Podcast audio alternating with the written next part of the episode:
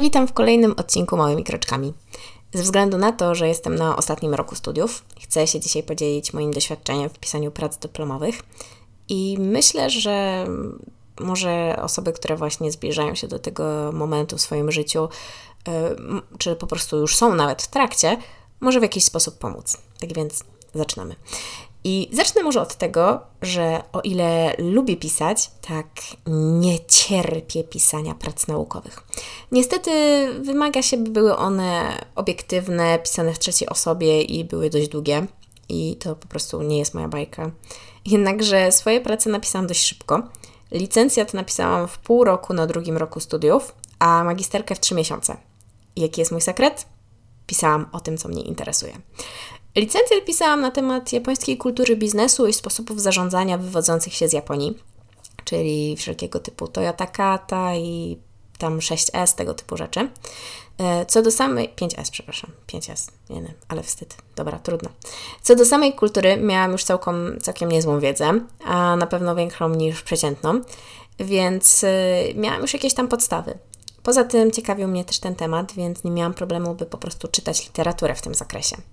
Wyszłam z założenia, że pierwsze dwa miesiące poświęcę na zbieranie bibliografii i czytanie książek, które znajdę o tej tematyce, a w międzyczasie robiłam sobie notatki, a następnie wykorzystywałam je do pisania pracy. A jeśli brakowało mi jakichś informacji, no to szukałam ich w internecie. Oprócz części teoretycznej stwierdziłam, że przeprowadzę badania i piszę tu w liczbie mnogiej, bo zrobiłam dwie ankiety. Pierwsza po polsku i wśród Polaków na temat ich wiedzy z zakresu kultury japońskiej, druga po japońsku dla Japończyków na temat ich doświadczenia, a mitów, jakie panują w związku z biznesem w Japonii. I to było o tyle fajne, że raz, że miałam bardziej ambitną pracę, Dwa, nikt nie mógł się doczepić, czy dobrze prowadziłam to, te badania, bo miałam ankiety i odpowiedzi po japońsku, więc jeśli ktoś chciał sprawdzić, no to musiał znać ten język. A po trzecie, jako załącznik dodałam ankietę w oryginale i po polsku, co nabiło mi po prostu też stron, więc polecam. Jakby kogoś ciekawiło, skąd ja wzięłam Japończyków do, do, tego, do tej swojej ankiety, no to akurat po prostu miałam to szczęście, że kilka lat wcześniej e, zajmowałam się jako wolontariuszka grupą e, Japończyków na Mistrzostwach Świata w lekkiej atletyce juniorów. I no, po prostu zachowałam sobie kontakty do nich i się odezwałam z prośbą o to, żeby mogli oni mi odpowiedzieć na te pytania i ewentualnie poprosić swoich rodziców, znajomych itp., żeby wzięli w tym udział. No i tam całkiem chyba nawet sporo miałam tych ankiet. No, tak więc fajnie było. Dalej. Jeżeli chodzi o magisterkę, no to z kolei to jest trochę inna bajka. I początkowo miałam zamiar pisać o rozwoju podcastu na przykładzie tego, którego teraz słuchasz, ale po ponad pół roku i napisaniu kilku stron stwierdziłam, że muszę jednak zmienić temat. I nigdy nie sądziłam, że pisanie o sobie i swoim projekcie może być tak trudne. Po pierwsze, pisanie o sobie w trzeciej osobie było no, idiotyczne, nazwijmy to szczerze, a po drugie, to po prostu nie miałam pojęcia, co ja mam właściwie opisywać. Dawać transkrypty odcinków, opowiadać, jakie tworzę no, itp. No okej, okay, spoko, dobry pomysł, tylko że no, nie na kilkudziesięciostronicową pracę. Na szczęście pewnego dnia mnie, nazwijmy to, olśniło i zaczęłam coraz więcej interesować się tematyką feminizmu, czytać o tym, analizować social media itp., więc postanowiłam prostu zacząć o tym pisać. E, miałam już przeczytane kilka książek, więc już e, miałam co używać w bibliografii i wyszłam z założenia, że nawet jeśli nie wyjdzie z tego praca, to będę miała po prostu odcinek podcastu. I na szczęście no, temat przypadł mi do gustu i w sumie w trzy miesiące skończyłam całość. Aktualnie czekam na feedback od promotora, więc trzymajcie kciuki.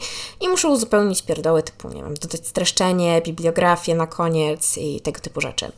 Mam to szczęście, że mój mąż zaoferował mi się, że może mi pomóc zrobić pierwszy przegląd i korekty typu przecinki, formatowanie, by czcionki były zgodne z wymogami tego typu rzeczy i przyznam z chęcią, że przyjęłam jego propozycję, bo nienawidzę takiej roboty. Wiadomo, dobrze by co trzecie zdanie nie było napisane innym fontem i w innym rozmiarze, ale komu to robi, czy przepisy mają wielkość 10 i są napisane czcionką X, czy są jedenastką i są napisane Y, no nie wiem, nieważne. Tak więc pierwsza zasada pisania pracy dyplomowej to jest pisz o tym, co Cię interesuje. Druga to z kolei jest wybierz dobrego promotora. I serio, dobry promotor to złoto. Wiadomo, że każdy potrzebuje innego podejścia, dlatego warto po prostu przed wyborem dowiedzieć się o tych promotorach, których mamy do wyboru jak najwięcej. Niektórzy potrzebują kogoś, kto będzie nad nim siedział z batem, i, bo, inaczej po prostu nie są w stanie się skupić i napisać pracy. Inni za to no, chcą mieć kogoś, kto, kto nie będzie się im wtrącał do pracy i narzucał swoją wizję, tak? I ja osobiście należę do tej drugiej grupy. Moja promotor na licencjacie była okropna. I początkowo wyglądało, że się świetnie dogadamy. Przypomina mi moją ulubioną nauczycielkę z liceum, wymagająca, ale świetna mentorka. Mówię tutaj o mojej nauczycielce z liceum. Niestety rzeczywistość okazała się zupełnie inna. I jakby to nazwać? Wiedziała, że mi zależy na tym, by sprawę pracy mieć zamkniętą do końca wakacji przed trzecim rokiem, bo byłam na końcówce ciąży, jednakże czekałam trzy miesiące, by dostać od niej jakąkolwiek odpowiedź. Całość wysłałam w sierpniu, a komentarze dotyczącego pierwszego rozdziału otrzymałam dopiero w listopadzie. Co więcej, komentarze, które otrzymałam, no nazwijmy to rzecz po imieniu, no były niedorzeczne, tak? Podważała autorów książek, na które się powoływałam, pytając się, na jakiej podstawie wyciągnęli oni dane wnioski. No, no nie wiem, co mam napisać list do faceta, który napisał książkę, którą wydał y, Instytut tego Uniwersytetu Jagiellońskiego, żeby się zapytać, jakim cudem on przeprowadził takie badania i skąd mu wyszły takie wyniki, to no raczej nie, tak? Kiedy zacytowałam fragment innej książki, nazwała to nacjonalistyczną propagandą, czy y, na przykład, y, gdy podałam zgodnie z tym, co pisał jeden historyk, że banki wspomagały pewną kwestię, to tam nie pytała, na jakiej podstawie tak pisze i czy przeglądałam umowy tych ludzi, że tak twierdza. To były dotyczące lat 40. ubiegłego wieku, tak więc na pewno. Jednak hitem było to, że gdy pisałam o tym, że od kiedy zaczęto nakładać kary na rodziny samobójców, którzy rzucili się pod pociąg, to ta mi skomentowała, że w Polsce też jak trzynastolatka zajdzie w ciąży, to odpowiedzialność ponoszą rodzice. Co to miało jedno wspólnego z drugim, do tej pory nie wiem. Więc wkurzona na to wszystko zmieniłam promotorkę na lubianą przeze mnie wykładowczynię, która była po prostu cudowna. Była idealnym promotorem. W dwa tygodnie sprawdziła mi całą pracę. Po tym czasie dopiero dostałam odpowiedź od byłej promotor, że jest jej przykro, że zmieniam ją. I dała praktyczne wskazówki i wskazywała mi konkretne książki, które mogą mi pomóc w pisaniu licencjatu. Obecnie na magisterce no, nie mogę narzekać na promotora. Zobaczymy, jak będzie, gdy dostanę zwrotkę od niego. Ale no, na tę chwilę on mnie nie pogania, nie ingeruje za bardzo w moją pracę, a mnie to po prostu bardzo pasuje. Z podpowiedzi dotyczących pracy to mogę jeszcze dodać, że jak masz problem ze znalezieniem bibliografii, to czytając jedną książkę z danego tematu, można zerknąć, do jakich innych źródeł odnosił się autor i po prostu sprawdzić oraz wykorzystać. I oczywiście po przeczytaniu ich, tak? No bo nie każdy będzie pasował do danego fragmentu u nas. Tak więc, jakbym miała stworzyć listę, o czym za, należy pamiętać pisząc pracę dyplomową, to byłoby po pierwsze, pisz o tym, co Cię interesuje i serio, to jest tak ważna rzecz, dzięki niej tak na dobrą sprawę jakoś idzie to to przepchnąć całe, tak? Bo jeżeli będziesz pisał czy pisała o czymś, co po prostu no, no, totalnie Cię nie interesuje, masz o tym zerowe pojęcie, to wiadomo, że no, będziesz się z tym męczyć, tak? A to bez sensu. Drugie, w miarę możliwości bibliografię zgromadź przed pisaniem pracy i w trakcie czytania rób sobie notatki. To, według mnie jest po prostu pomocna rzecz. E, trzecia rzecz to wybierz dobrego promotora, który będzie Tobie pasował. Kolejna kluczowa rzecz. Kolejna.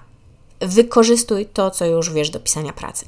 Jeżeli masz wiedzę z zakresu, nie wiem, dotyczące zbierania, organizowania jakichś eventów, tak, bo w liceum, na studiach organizowałeś jakieś tam konkursy, yy, eventy filmowe, cokolwiek, tak, to możesz wykorzystać swoją wiedzę też praktyczną do, do tego, żeby napisać, nie wiem, na temat organizowania jakichś e, festiwali czy cokolwiek, tak?